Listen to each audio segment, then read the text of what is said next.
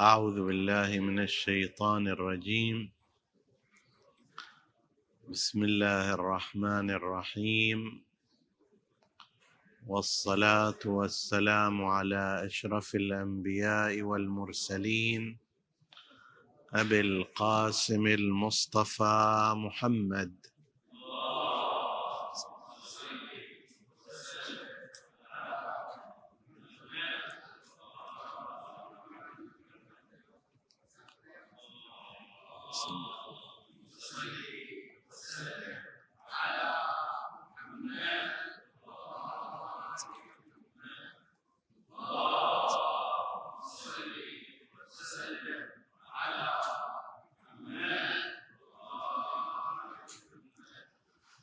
لا يزال حديثنا في وصية الإمام موسى بن جعفر الكاظمي عليه السلام لهشام بن الحكم البغدادي. ووصلنا فيها إلى هذه الفقرة. يا هشام من تعظم في نفسه. لعنته ملائكة السماء وملائكة الأرض.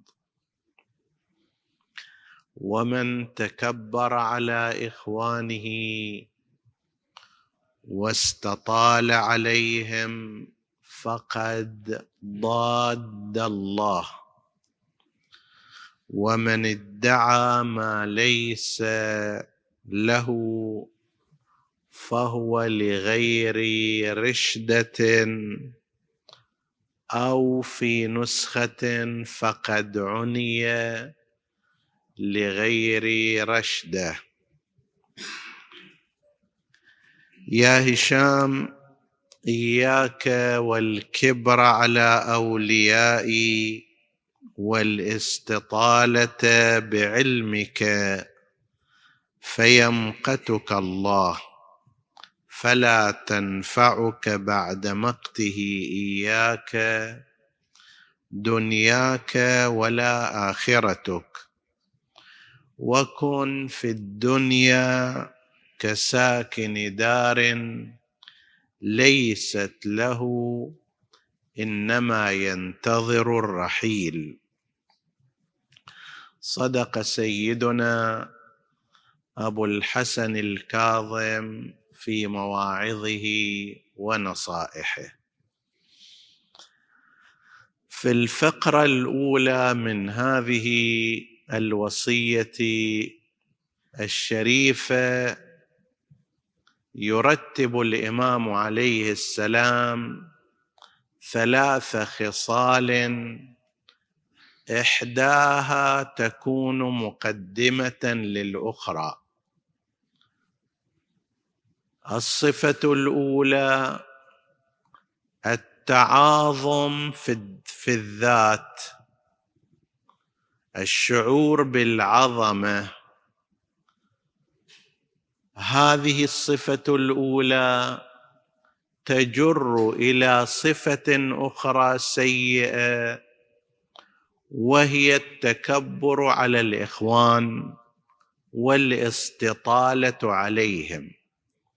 الأولى الصفة الأولى ميدانها النفس والصفة الثانية ميدانها المجتمع والصفة الثالثة هي الادعاءات الباطلة بما ليس من حقه كأن يدعي رئاسة قوم وهو ليس في هذا المستوى.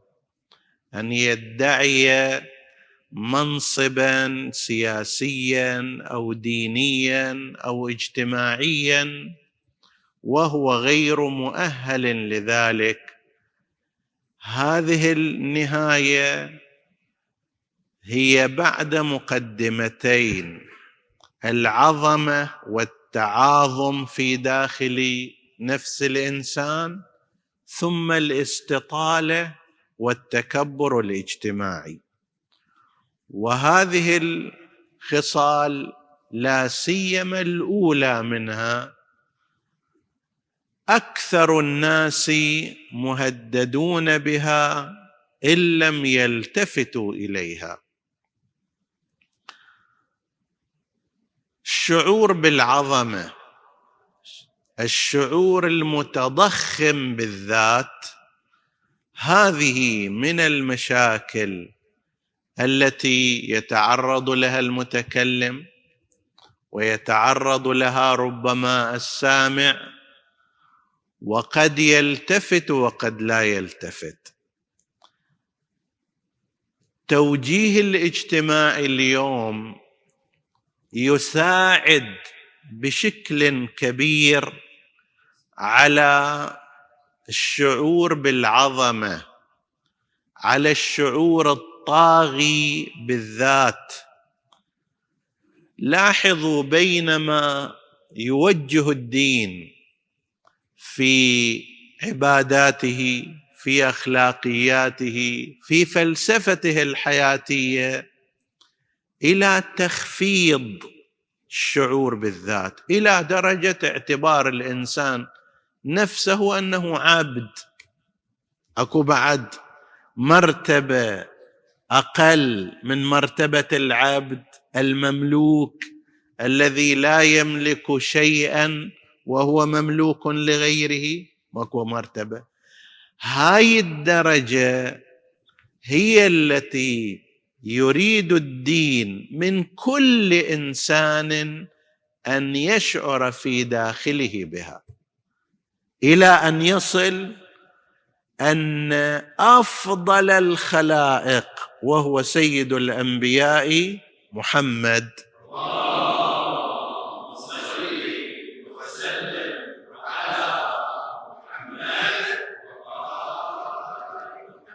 عندما جلس على الرغام على التراب وأخذ يأكل بيده الطعام مرت عليه امرأة فقالت يا محمد إنك لتجلس جلسة العبد وتأكل أكلة العبد. اللي يسويها العبيد. واحد يقعد على التراب. ما بينه وبين التراب فاصلة. أنا وأنت ما نسويها عادة. فكيف برسول الله؟ لكنه جلس على الرغام وأكل بيده الطعام فمرت عليه هذه المرأة. قالت له يا محمد إنك لتجلس جلسة العبد. وتأكل أكلة العبد. انت ما عندك شخصية ما عندك شعور بذاتك قال ويحك أي عبد أعبد مني؟ أنا أعبد الخلائق. ماكو واحد في الدنيا أكثر عبودية وتواضعا مني أنا رسول الله. ولذلك نقرأ في التشهد وأشهد أنك عبده ورسوله. وإذا أراد ربنا سبحانه وتعالى أن يمدح بعض أنبيائه ماذا يقول؟ نعم العبد خوش عبد هذا نعم العبد إنه أواب. هذا كل توجيهات الدين هالشكل. صلاة ليش؟ تخلي أشرف مواضعك على أخفض مكان على التراب. ولذلك التأكيد هم من قبل أهل البيت عليهم السلام على أنه لا يصح السجود إلا على الأرض أو ما أخرجت الأرض. لا تسجد على السجاد.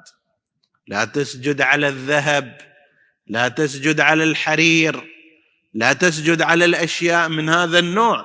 لا بد أن تسجد على الأرض. إذا هماك أرض جيب الأرض إلى داخل مكان سجودك. جيب شيء من الأرض حطه. ليش؟ حتى هذا الجبين اللي هو أعلى أعلى شيء فيك يكون في حركة السجود اللي هي أنزل شيء بعد ماكو شيء أنزل منها. هكذا انحناء الركوع أيضا انحناء أكثر من ذلك انحناء آخر مرتبة هو أن واحد يخلي جبينة على الأرض. هذا بعد ما فيها مرحلة أبعد من هذا. وأيضا لازم تخليها على شنو؟ على التراب على الرغام على الأرض. جعلت لي الأرض. مسجدا وطهورا. ونفس الكلام في الطهارة. أنت تتطهر ولكن بماذا؟ بالرغام بالتراب بالصعيد في مثل التيمم. فقدت الماء ما يخالف. زين يا بخليني عطر أتوضأ بالعطر أتوضأ مثلا بالزيوت. لا لا. تذهب إلى التراب الذي خلقت منه والذي يتوافق مع أصلك وفصلك هناك. طيب فشوف توجه الدين ذاك الصوب وهو تحقيق درجة العبودية الكاملة وهي درجة العزة كما قال مولانا أمير المؤمنين عليه السلام إلهي كفى بي عزا أن أكون لك عبدا. غاية العزة أن أنا أكون عبد من العبيد لك يا رب العباد. طيب كل ما يقدر الإنسان يكسر في نفسه ذاته يكسر شعوره في داخله ما يعتبر لنفسه قيمة في داخله ها؟ في أعين الناس عظمني لكن وفي نفسي فماذا؟ فذللني. خليني يا رب أشعر أنه أنا لا قيمة لي. لا اعتبار عندي. حقيقة أنا إنسان ما أسوى شيء. هذا إذا الإنسان يخلي في داخل نفسه هذا المعنى فقد حقق أفضل مراتب العبودية لله عز وجل. يا رب أنت أكبر وأنا أنزل شيء أنت الرب أنا المربوب. أنت الخالق أنا المخلوق. زين أنت الرازق أنا المرزوق. أنت كل شيء وأنا لا شيء. عندي قدرة لا. لا حول ولا قوة إلا بالله. عندي حركة لا. بحول الله وقوته أقوم وأقعد. عندي مال لا. لا أملك شيئا. هذا من فضل ربي. إذا الإنسان يسعى في هذا الاتجاه كما أمر الدين فهو فائز. عكس هذا تماما هو الذي تبثه اليوم الثقافة المعاصرة. أول ما يجي لك شي يقول؟ يقول أنت صير متميز. لازم تتميز عن غيرك. ثوبك فد شكل تسريحتك وقصة شعرك فد شكل. سيارتك شكل ليش؟ حتى تتبين للناس أنه أنا ترى مو شيء هين. حتى لو تروح تستأجر سيارة كما يصنع بعضهم استأجر سيارة مدة يوم وياخذ بجنبها صور وما أدري كذا وفيديو وإلى آخره ثم ينشرها على أساس أنه هذا شنو؟ هو المالك لهذه السيارة وهو المالك لهذا البيت وما شابه. الغرض شنو؟ أنه يا أيها الناس احترموني ترى أنا مو سهل. أنا عندي سيارة قيمتها مثلا نصف مليون ريال مئة ألف دولار مئة وخمسين ألف دولار وشون ما كان أنا تراها. ما في مشكلة أروح أستعير ملابس خاصة وأصور فيها بس حتى الناس يفتهمون ترى أنه أنا ما مو إنسان سهل. أنا مو مو مثل العبيد. أنا كالأغنياء كالأثرياء كالمليونيرية. طيب هذا التوجه وين وهذا التوجه وين؟ ذاك اللي يقول سيد الخلق يقول أي عبد أعبد مني؟ وهذا يقول لك لا أنت حتى لو ما عندك روح اقترض بس حتى تصور. حتى الناس يقولوا ما شاء الله شنو هالكشخة شنو هالفخفخة شنو هالامتلاك شنو هالكذا. طيب على طرفي نقيض. التوجيه العام دائما أنت متميز. لا أنا لست متميزا. إذا متميز فإنما ذلك بكثرة عبادتي وعبوديتي وتواضعي. لكن هذا التوجيه يقول لك لا أنت متميز عندما تشرب سجاير روثمان أيام زمان. طيب أنت متميز إلى ما أدري ركبت في السيارة الكذائية. أنت متميزة إذا استخدمت العطر الفلاني هذا التوجيه تماما على خلاف ذلك التوجيه. هذا التوجيه محاولة تربية العظمة في داخل نفس الإنسان. طيب لذلك إذا ملاحظين نتيجتها أن الإنسان بعد فترة فعلا يصدق نفسه إلا من عصم الله. فإذا واحد قال له حكايه يقول أنت منو حتى تكلمني هالكلام هذا؟ أنا عبد من عباد الله أنصحك النصيحة. لا يستكثر ليش؟ لأنه مصدق أنه عظيم. العبد في داخل نفسه عادي واحد يأمره واحد ينهاه واحد ينحض ينصحه واحد يعظه. ما عنده مشكلة. الذي يمتلك العبودية في داخل نفسه عادي عندها الأمور. بس هذا اللي شايف نفسه مو شخص عادي. تدري أنا منو؟ أحدهم نصح شخصا آخر. بأن يتقي الله وأن يعمل عمل صالح. قال أتعلم من أنا؟ قال بلى أعلم من أنت. قال من أنا؟ قال أنت الذي جريت في مجرى البول مرتين. طيب عندما أخرجك أبوك نطفة جريت في مجرى البول وعندما أخرجتك أمك إلى هذه الحياة خرجت مرة أخرى اولك تاليك هو هذا؟ فسكت. هذا يستعظم على نفسه كيف؟ كيف ينصحه إلى أن يوصل إلى ذاك الطاغيه الأموي الذي صعد المنبر فقال لا يأمرني بعد هذا أحد منكم بتقوى الله إلا ضربت عنقه. لا يأمرني أحد بتقوى الله إلا ضربت عنقه. هاي أي نفس طاغيه أي شعور متفجر بالذات في داخل نفس هذا الإنسان. وين هذا؟ وين توجيه الأئمة عليهم السلام؟ اللي يقول خير إخواني أحب إخواني من أهدى إلي عيوبي. اولا أنا عندي عيوب. واحد. ثانيا أنا ما أستنكف أن واحد يجي يقول لها اياي وثالثا إذا قالها إلي وقدمها إلي فهذا أحب الإخوان. وقاعد يقدم لي هدية. هذه هالنفسية وين؟ ونفسية تدري أنا منو؟ ولا تقول لي بعد هالكلام مرة ثانية وخلي عنك هال هالهرار هذا اللي دوخ راسي فيه.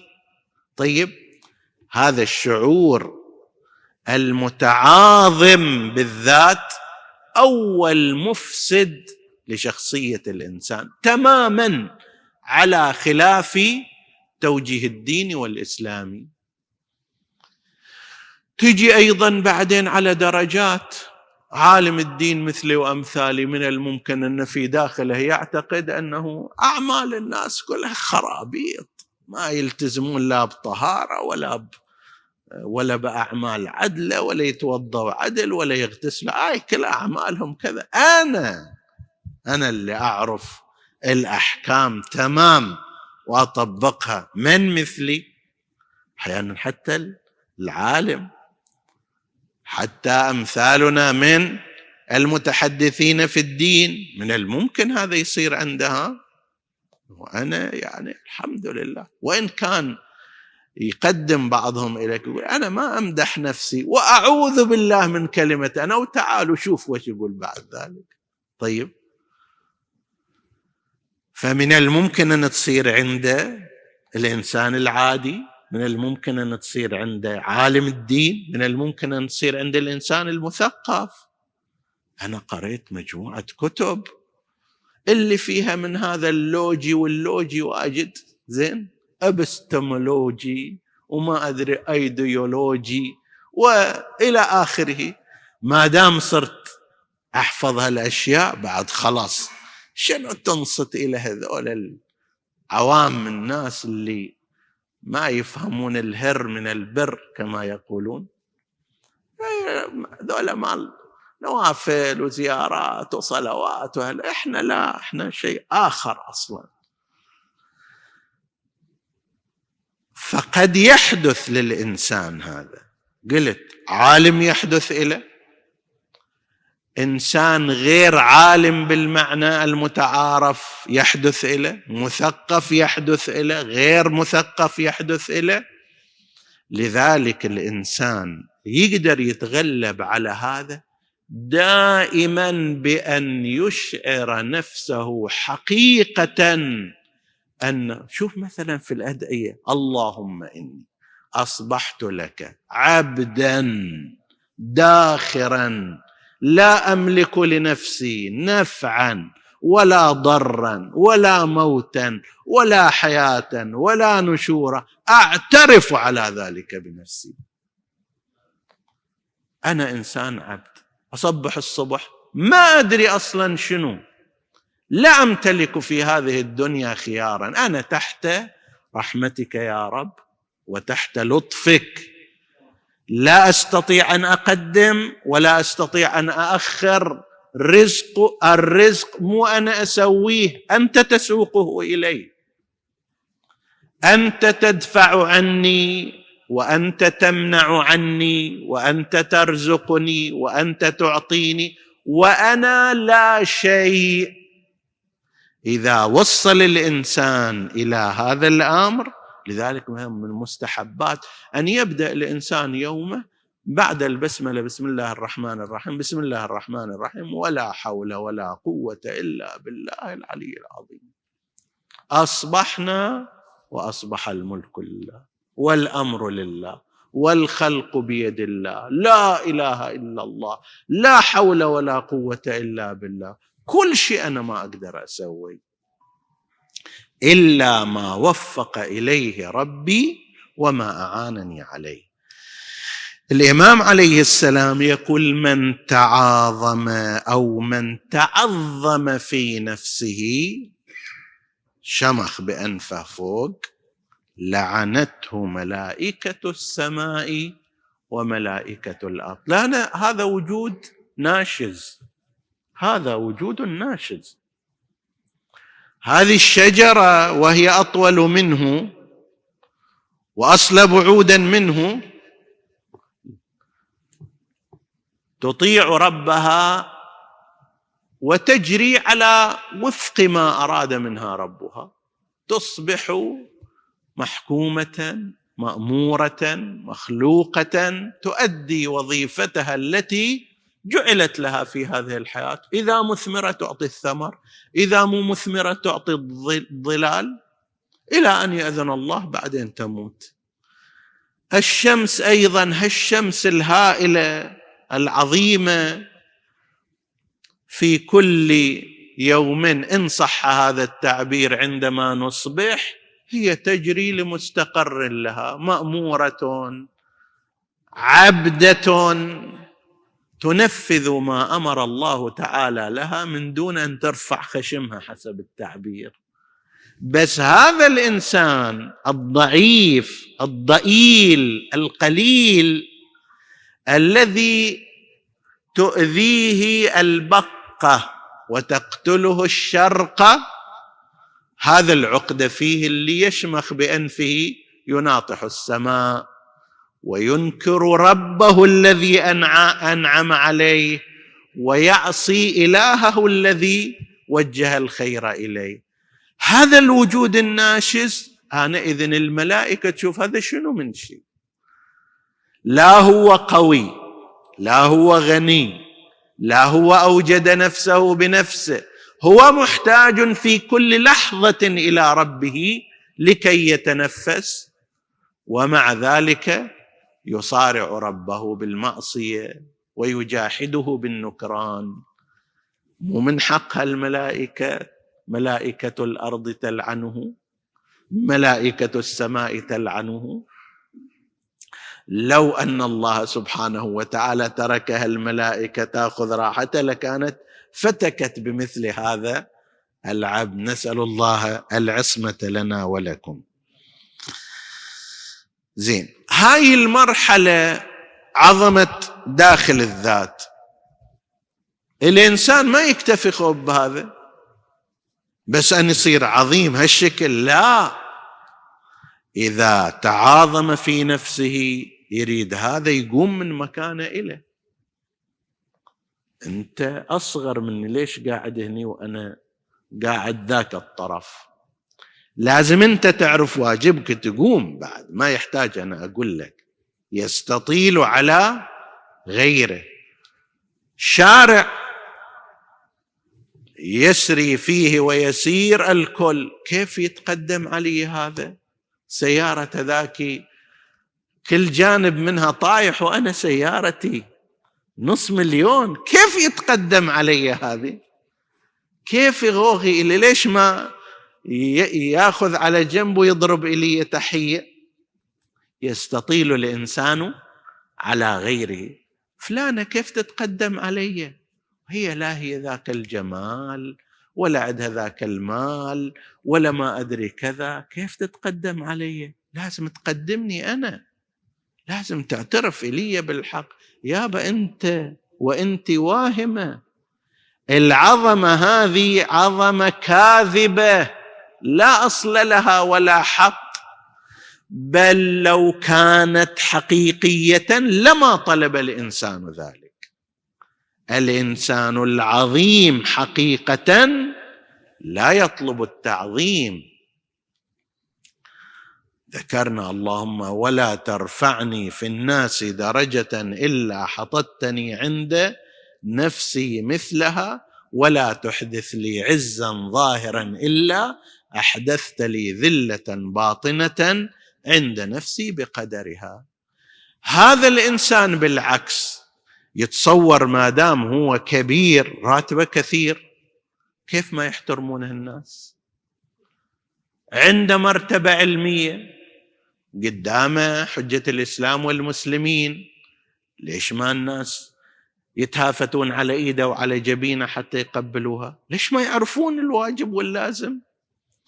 قدامه اكو كلمة أو حرف دال كيف يقولوا؟ فلان ما يقولون الدكتور الفلاني. طيب وبعضهم يسويها معركة.